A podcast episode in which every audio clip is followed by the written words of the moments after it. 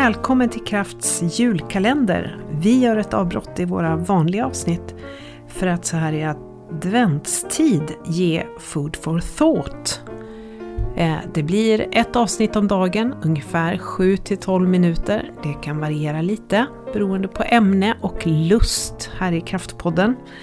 Eh, men på det här enkla viset så skulle vi vilja ge lite ny energi och kanske lite tankeväckande insikter eller frågor för dig. Och eh, vi hoppas att eh, du som lyssnar ska tycka att det här inspirerar och vi vill samtidigt passa på att önska dig en riktigt fin decembermånad. Och så småningom en riktigt god jul och ett gott nytt år. Välkommen! Lucka nummer 15, den 15 december. Och eh, kanske har du varit och firat Lucia här nu i några dagar. Sett på några fina lucior och små tomtenissar på någon förskola. Kommer ihåg vad man frös om fötterna.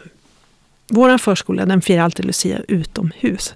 Väldigt bra för man slapp bli magsjuk, vilket var vanligt när man skulle samlas inne allihopa vid den här tiden.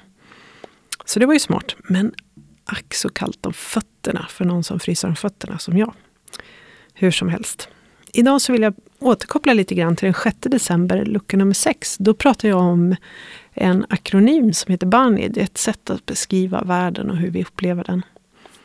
Eh, man pratar idag om att vi inte lever längre i VUCA times. Och om du inte har koll på VUCA, lyssna på den femte luckan. Eh, vi lever inte i VUCA utan vi lever i kaos. Världen är brittle, anxious, non-linear, incomprehensible, bani. Den är på svenska då spröd, ångestfylld. Vi ser inte sammanhanget mellan orsak och verkan. Det är omöjligt att förstå. Och den är incomprehensible, är i ett obegriplig. Världen känns obegriplig. Och det här ger ju en ganska mörk och dyster bild av världen. Och därför känner jag lite behov av att prata om tro. Tro är ju, ett, det finns ett grekiskt ord för tro som heter pistis. Och pistis det betyder faktiskt tillit mer. Eh, intressant med tanke på att eh, det pratas ju oerhört mycket om tillit idag. Sverige hade en tillitsdelegation och ett projekt i det. Louise Bringselius pratar ju jättemycket om tillit. Sök gärna på henne, googla henne. Hon har mycket klokt att säga om det. Eh, men tro och tillit kommer ju liksom inte ut av det vi ser. Det kommer av det mer inifrån, av det vi känner eller det vi, vi har inom oss, uppfattar jag. För egen del så är tro en jätteviktig del, inte som religiös tro, men jag känner att jag har en övertygelse. Jag har en positiv övertygelse som är ganska stark.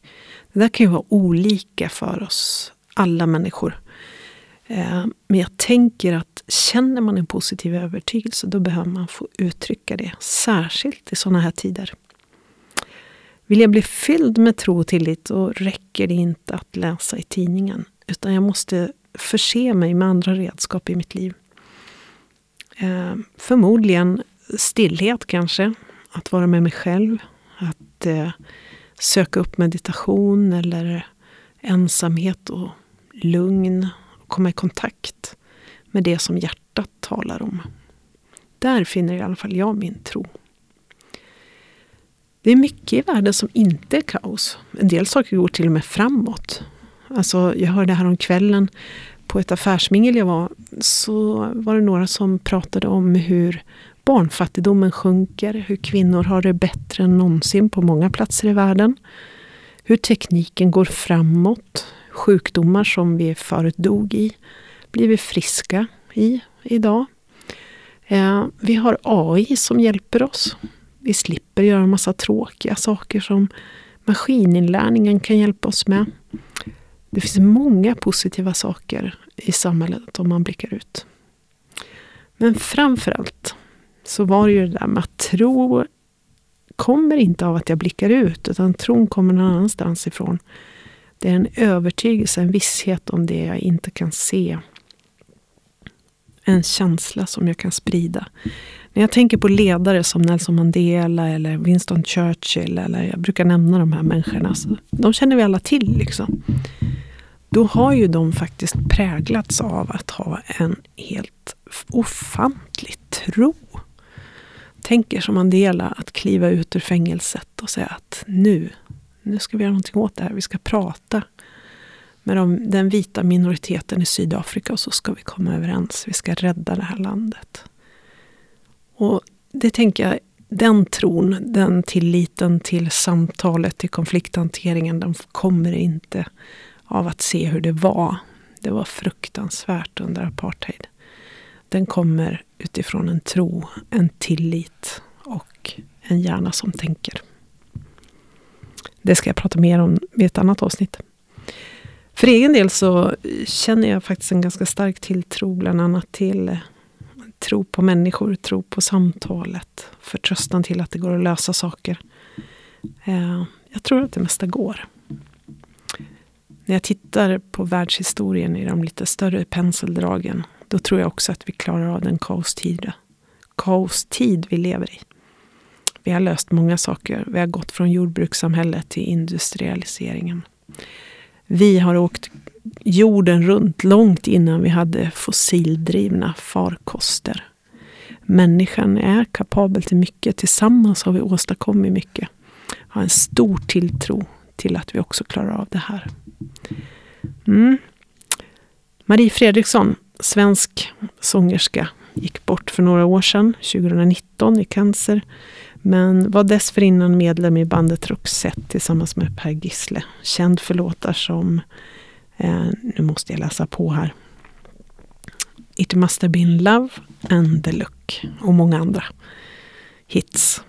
Hon var sångare och duktig artist långt innan hon gick med i Roxette. Duktig pianist och målare. Hon har bland annat skrivit de här raderna. Tro, jag vill känna tro. Jag vill känna morgondagen nalkas här i lugn och ro. I en vintervärld finns det någon tro. Jag vill känna önskan om en tid så ljus som friheten. Ha en riktigt fin dag. Jag tror att det kommer att bli bra.